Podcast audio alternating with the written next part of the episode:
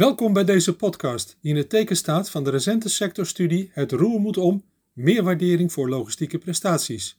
Mijn naam is Machiel Bode, ING sectorbanker Transport, Logistics en Mobility. Dit is de eerste uit een serie van drie, waarin Pauline de Wilde in gesprek gaat met de initiatiefnemers van het onderzoek, Ronald Kuipers van TVM, Machiel Bode van ING sectorbanking en de opsteller van het onderzoek, Manfred Kind van Pantaya. Heren, welkom. Hoe gaat het met jullie? Goed. Ja, gaat het goed? Ja, zeker. Uitstekend, ja. Hebben we zin in vandaag? Zeker. Ja. Ja. Hartstikke mooi. Ehm, ja, Manfred, laat ik bij jou beginnen. In het rapport stellen we dat de transportwereld steeds complexer wordt. Wat maakt dat transport zo complex wordt? Ja, klopt. Ehm, transport is eigenlijk een, eh, een vorm van topsport, waarin je goederen in een korte tijd van A naar B probeert te brengen. Ehm, maar dat doe je onder behoorlijk eh, ja, stevige omstandigheden. Eh, goederenstromen die continu in beweging zijn. Dus eh, eh, stromen die ineens aantrekken of wegvallen. Tegelijkertijd is er een tekort aan arbeidskrachten in de sector. Eh, Dat maakt dat de, de logistiek onder hoogspanning staat. Ehm, kosten die als gevolg van schaarste sterk stijgen. Eh, dus iets wat vandaag x kost, is morgen een stuk duurder. Dus je verpakkingsmaterialen worden duurder. eh, je pallets waar, waar de spullen op staan worden duurder.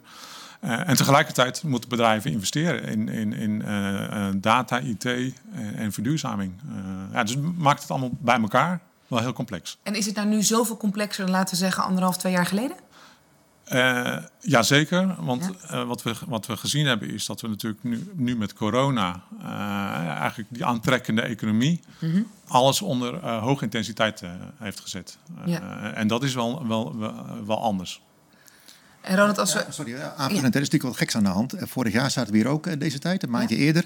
Toen zeiden we, hoe kom je zo goed mogelijk door de volgende crisis heen? Nou, we hadden de inkt nog niet droog en de crisis was in die zin al voorbij. Eh, we gingen van een diep dal naar een enorme groei. Ja. Dat, verwacht, dat vraagt heel veel aanpassingsvermogen, ook van deze sector. Nou ja, vorige keer hadden we dus als belangrijkste antwoord schakelen, op tijd schakelen. Ja. Dat is dus ook gebleken. Dat is gebeurd. Alleen gaat het misschien ons wel veel te snel. Eh, het gaat niet gewoon heel snel. Eh, Ja. Sterker nog, eh, het is niet bij te benen. Want Nee. als je overal ja tegen wil zeggen, dat kan helemaal niet. Want er is geen personeel en er is geen materiaal. Dus is het dan dat we duidelijkere en misschien heb je daar lef voor nodig keuzes moeten maken? Dat gebeurt. Dat Ja, gebeurt. Ja, ja, ja. De, me- tenminste, de klanten die ik spreek, die weten heel goed waar wel of geen geld wordt verdiend. Die maken nu echt de keuze. Ja, ik kan niet alles doen, dus ik maak keuzes wat ik wel doe en wat ik niet Je, doe. je wordt Ja. eigenlijk gedwongen om keuzes te maken. Ja, En toen we dat vorig- is niet eens meer een keuze. Ja. Ja. Ja, toen we vorig jaar om deze tijd hier zaten, toen begon die hele consolidatieslag, hè, die was bezig. Hè. We, het viel ons toen op dat eh menige ondernemer bij de andere een kopje koffie eh, ging drinken. Ja. Dus die hele, die hele ontwikkeling van kijken of je samen kan gaan, of er overnames zijn, hè, die kwam op dat moment eh, kwam die echt op gang. Ja. Dus in die zin was eh, crisis cre- creëer je eigen kansen. Dat, was, eh, dat was mooi in het startschot. Maar daarna kwamen er zoveel kansen. Dat je gaat afvragen van hoe zit het met die Maar met die kansen natuurlijk ook weer heel veel uitdagingen. Want eh, als we kijken naar de complexiteit en dan het verzekeren in deze sector, eh, hoe gaan jullie daarmee om? Ja, dat zijn- wordt ook complexer. Ja, dat begrijp ik. Nee, als klanten kiezen voor andere businessmodellen, dan krijg je te maken met andere risico's, met andere Ja. aansprakelijkheden. Eh, en dat betekent ook dat je naar andere verzekeringsoplossingen moet kijken. Mhm.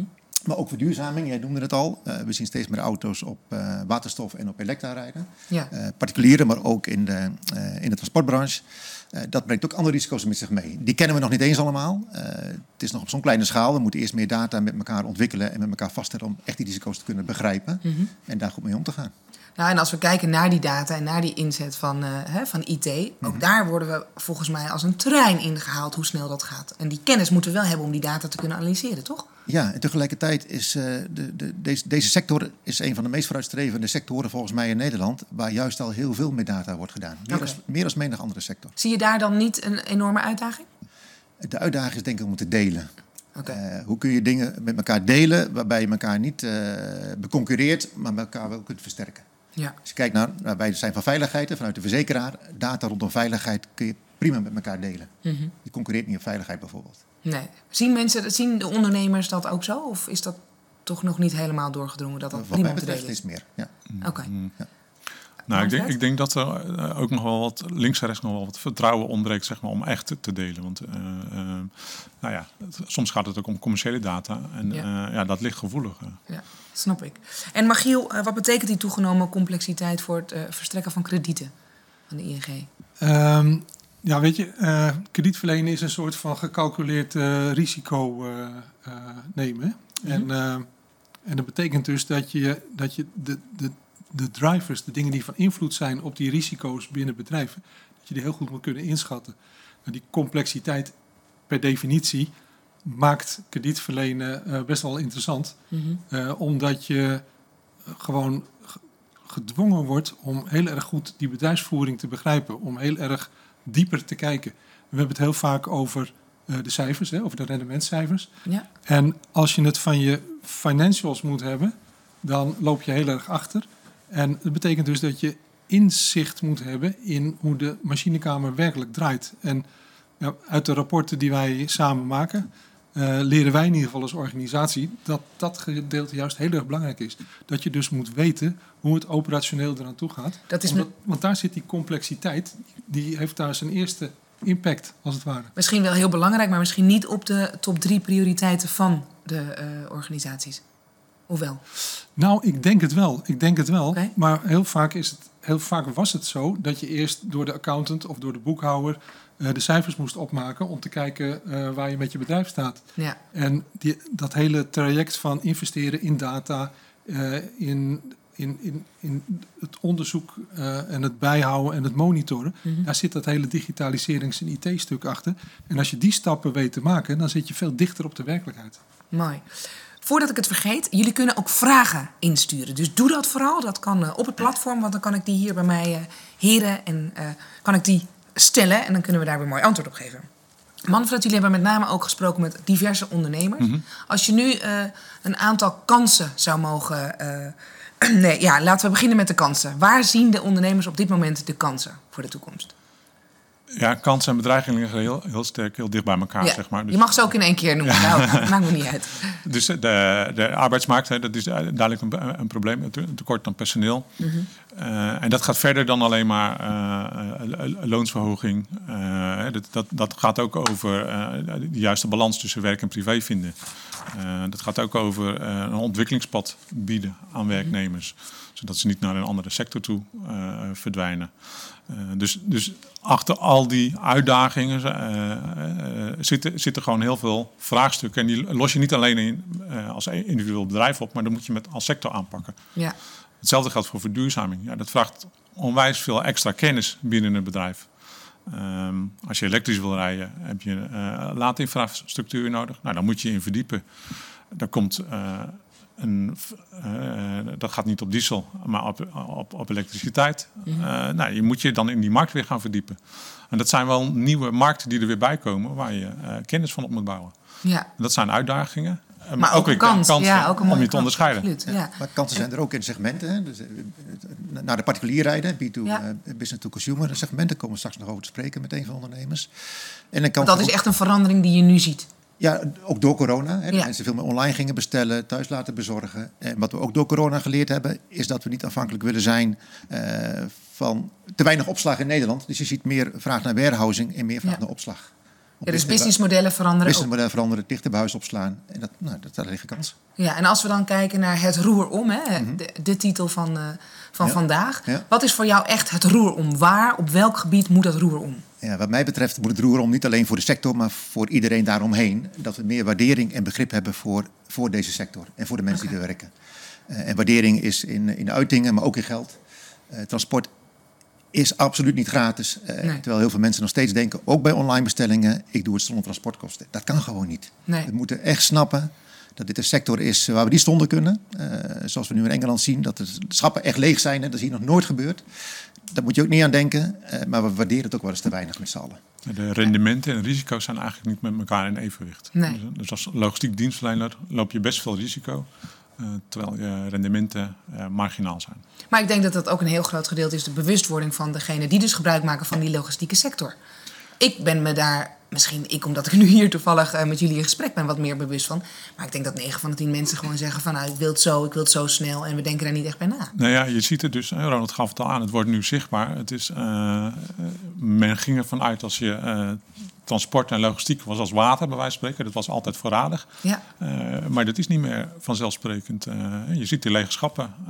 nou ja, dat, dat is een uiting van dat het niet langer op die manier kan. Zeg maar. Maar toch denk ik dat we nog niet, eh, dat klinkt heel dramatisch, maar nog niet diep genoeg zijn gezakt. Want misschien was het eventjes zo de legenschappen, maar niet heel erg dramatisch. Hoe kunnen we nou voor die bewustwording gaan zorgen? Dat er dus echt meer waardering komt. Zonder dat we er alleen maar over praten, maar dat het ook daadwerkelijk plaats gaat vinden.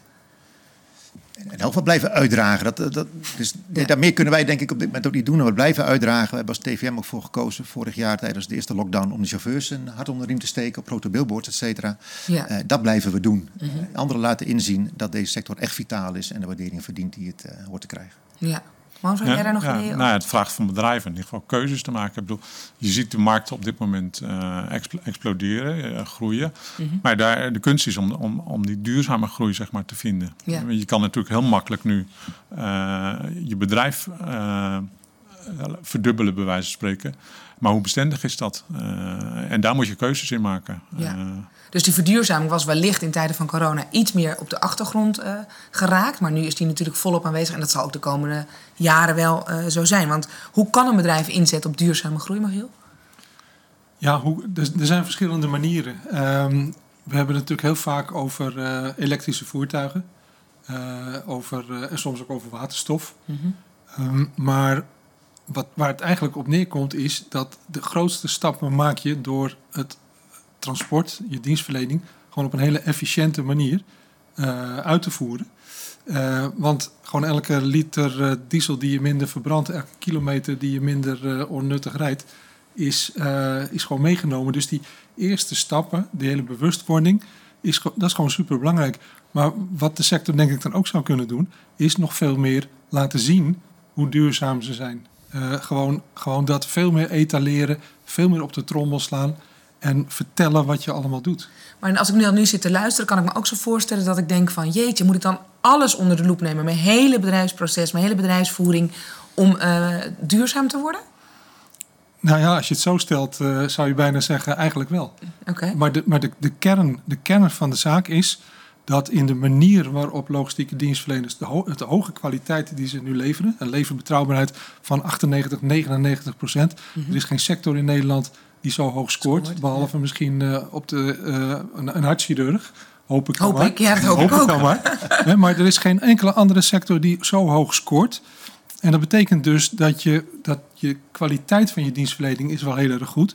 Maar in die end, als je onvoldoende capaciteit hebt om in te zetten, geen productiemiddelen, geen Nee. chauffeurs, dan moet je gewoon een goede, fatsoenlijke vergoeding ervoor gaan vragen. Ja, en, dat is manier- echt het lange termijn en denken. dat is het lange termijn denken. Ja. Zijn we daar al klaar voor in de sector? Om echt op lange termijn te gaan kijken... nu we dus dit ook hebben meegemaakt de afgelopen anderhalf jaar?